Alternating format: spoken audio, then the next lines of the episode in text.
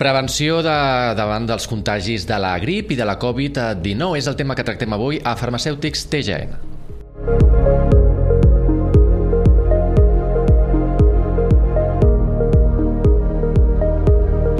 Benvinguts i benvingudes a Farmacèutics a TGN, el podcast del Col·legi Oficial de Farmacèutics de Tarragona, aquí a Ràdio Ciutat de Tarragona. Ja sabeu que és l'espai que ens ha de servir doncs, per conèixer més detall el motiu de ser, la tasca i el dia a dia del sector farmacèutic i els seus col·legiats, els seus professionals envers la ciutadania i també doncs, aquesta valor i atenció a la proximitat. Avui, com dèiem, doncs, volem tractar aquesta important prevenció dels contagis envers la grip i la Covid-19, doncs, que tenen en aquests moments moments un índex elevat de transmissió i de contagis en aquestes dates i, per tant, cal que estem molt atents i que siguem previsors en aquest sentit. Per parlar-ne, doncs, hem convidat i saludem a Iris Barreda, és vocal d'oficina de farmàcia del Col·legi Oficial de Farmacèutics de Tarragona. Benvinguda. Bon dia, gràcies. Que, que de fet, doncs, eh, han tornat les mascaretes no, a les eh, farmàcies, al, al seu ús obligatori, també als eh, diversos doncs, centres sanitaris, precisament doncs, per aquest motiu motiu. Sí, eh, bueno, avui per avui eh, l'ús de la mascareta a les oficines de farmàcia, la farmàcia comunitària, és només recomanable. I dic avui per avui perquè si la pandèmia ens ha explicat o ens ha ensenyat alguna cosa és que les recomanacions varien ja no setmanalment, sinó diàriament. Però avui per avui que estem parlant, l'ús de la mascareta és recomanable a les oficines de farmàcia, no pas obligatòria com sí que ho és a hospitals, centres d'atenció primària, caps ambulatoris, etc. Recomanable per a qui? Recomanable per a tota aquella persona que presenti sintomatologia respiratòria respiratòria, compatibles amb una infecció respiratòria. També per a població eh, vulnerable, que entenen per població vulnerable? Doncs entenem eh, malalts cardíacs, malalts respiratoris crònics, eh, persones immunodeprimides, polimedicats, etc. I l'altre grup poblacional és la gent gran. Llavors, eh, l'ús eh, a les farmàcies de moment és recomanable per a aquests tres grans grups de població. Vale? Nosaltres l'ús de la mascareta sempre l'han valorat molt positivament perquè la pandèmia ja ens va demostrar que és una eina molt eficaç per a, per a frenar els contagis, per a reduir molt el tema dels contagis i per tant la valorem molt, molt positivament que aquest ús sigui recomanable i de fet no només aquests dies que els pics, com tu has dit, com, com els, que els contagis estan tan disparats, sinó sempre que estiguéssim en un espai tancat amb molta gent, per a aquest tipus de població hauria de ser recomanable portar-la.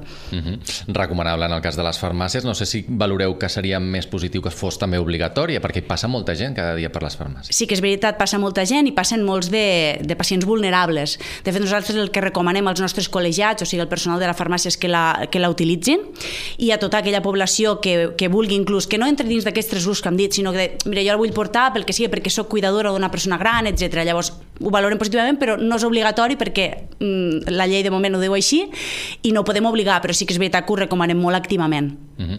Com està sent la valoració doncs, d'aquest doncs, ús de la mascareta recomanable entre els usuaris? Hi ha desconeixement? La gent ho sap? O...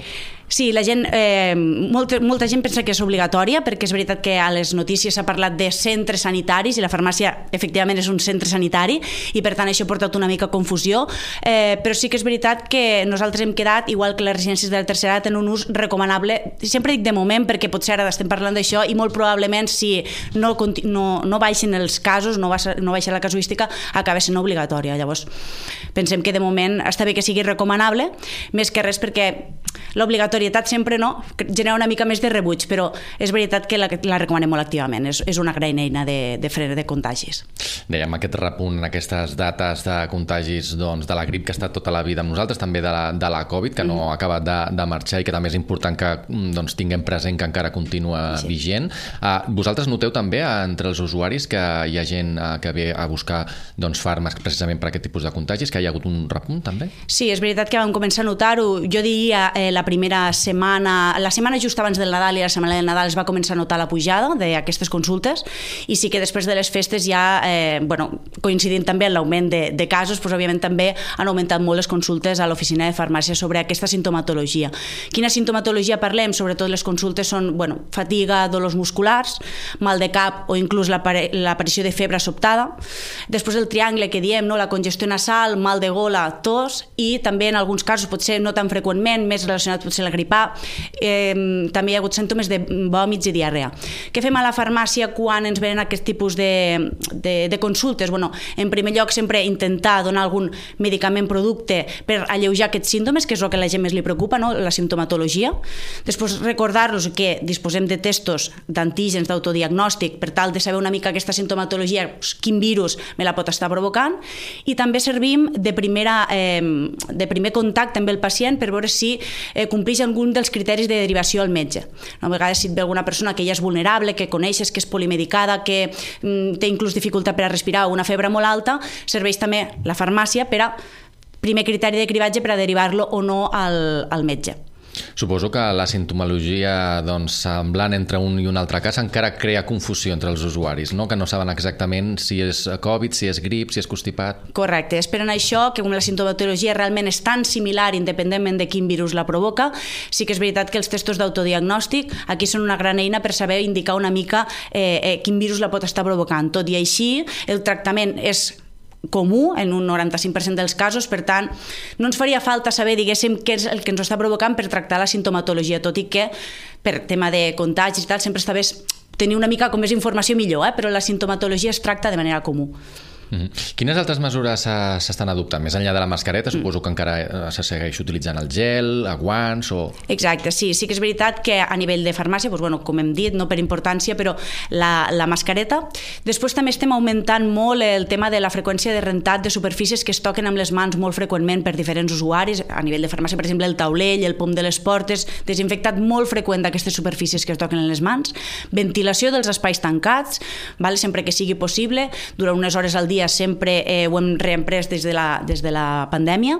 I després, a nivell dels usuaris, també els recomanem molt el rentat freqüent de mans eh, amb aigua i sabó sempre que sigui possible, com tu deies, gel hidroalcohòlic si no n'hi ha, eh, i si no, doncs, bueno, sempre tapar-se eh, és una de les recomanacions que fem també quan venen amb sintomatologia, no? recordar-los que tapar-se mans i, ai, perdó, boca i nas, que és per on es transmet més aquest eh, tipus de virus, amb la part interior del colze quan s'estornuda, o bé amb un mocador en solús i després rentar-se les mans. Són una mica les recomanacions més freqüents que fem a, a la farmàcia per frenar aquests contagis. Mm, important que la gent doncs, mantingui aquest tipus de mesures que ja doncs, durant la pandèmia va ser tan presents mm -hmm. en el dia a dia que la gent ja les havia adquirit, sí. però que potser sí que després doncs, s'ha doncs, anat relaxant una mica, no? Detectem això, sí, que potser s'han anat relaxant i que és una bona, bona manera de tornar-les a, a reemprendre perquè van demostrar en el seu moment que eren molt eficaç i per tant mm, s'ha de tornar a, cap aquí. No?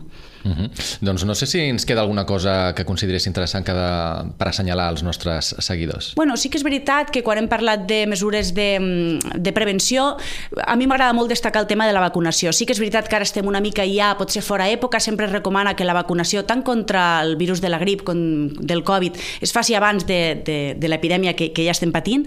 Tot i així, encara hi som a temps eh, a vacunar-nos. Jo sempre eh, recomano als usuaris, perquè moltes vegades ens ven a la farmàcia i crec que molts companys els passa quan ho comentem, no? que diuen l'any que ve mm, trobo que no em vacunaré contra el virus de la grip o contra el Covid perquè ho he agafat igualment tot i estar vacunat. Jo des d'aquí vull aprofitar per recordar el que és la vacunació. En la vacunació el que intentem i, i aconseguim és que el cos reconegui ràpidament el virus de la grip o del Covid quan ens contagiem per la prèvia vacunació i, per tant, respongui de manera molt més eficaç i ràpida. Per tant, què vol dir que m'he vacunat contra la grip? Que no l'agafaré mai més? No, sinó que quan l'agafaré el, reduirem molt el temps del contagi i reduirem molt la sintomatologia. Per tant, la importància de la vacunació crec que és clau i des del taulell de la farmàcia sempre ho recomanem perquè està la falsa creença de, ostres, si ho agafo igualment l'any que ve ja no em vacuno. No, no, ens hem de vacunar cada any, perquè cada any és la importància de que el cos respongui ràpidament i més eficientment quan ens contagiem d'aquests virus i frena moltíssim contagi també, mm. la vacunació. Doncs aquells usuaris que es vulguin uh, vacunar, uh, quins són els procediments que han de fer? Perquè és veritat que durant mm. la pandèmia uh, doncs, ho havia de fer tota la població, sí. rebíem aquells missatges de la cita... Correcte, és veritat. Eh, primer s'obri, eh, quan, quan comencen la vacunació tots els anys és igual, cap allà a mitjans no novembre, eh, mitjans d'octubre, novembre, s'obri primer per a la població vulnerable, que es consideren els sanitaris, gent gran, els que dèiem al principi, o mm, malalts podimedicats, però ara ja està oberta per a tota la població. Per tant, a través de la Moa Salut, a l'apartat de, de vacunació, o a través del CAP, es pot ja demanar la cita prèvia, o inclús hi ha alguns CAPs que ja ho fan sense, sense cita prèvia, i és per a tota la població. Per tant, està oberta ja eh, en aquestes altures de, que estem ara al gener per a tothom. Molt bé. Doncs important doncs, incidir doncs, a tota la població i als nostres seguidors doncs, de la importància de mantenir aquest tipus de mesures, que sempre doncs, és millor prevenir que, que curar, no? Sí, com sempre s'acostuma a dir. Uh, doncs Ciris Barreda, vocal d'oficina de farmàcia del Col·legi Oficial de Farmacèutics de Tarragona, moltes gràcies per haver-nos acompanyat, haver-nos donat doncs, aquests consells que esperem que des de casa segurament que hauran pres bona nota. Segur que sí, moltes gràcies a vosaltres. A vosaltres, els de casa també, gràcies una setmana més per haver-nos acompanyat en aquest nou episodi de Farmacèutics a TGN, el podcast del Col·legi Oficial de Farmacèutics de Tarragona, aquí, a Ràdio Ciutat de Tarragona. Fins la propera.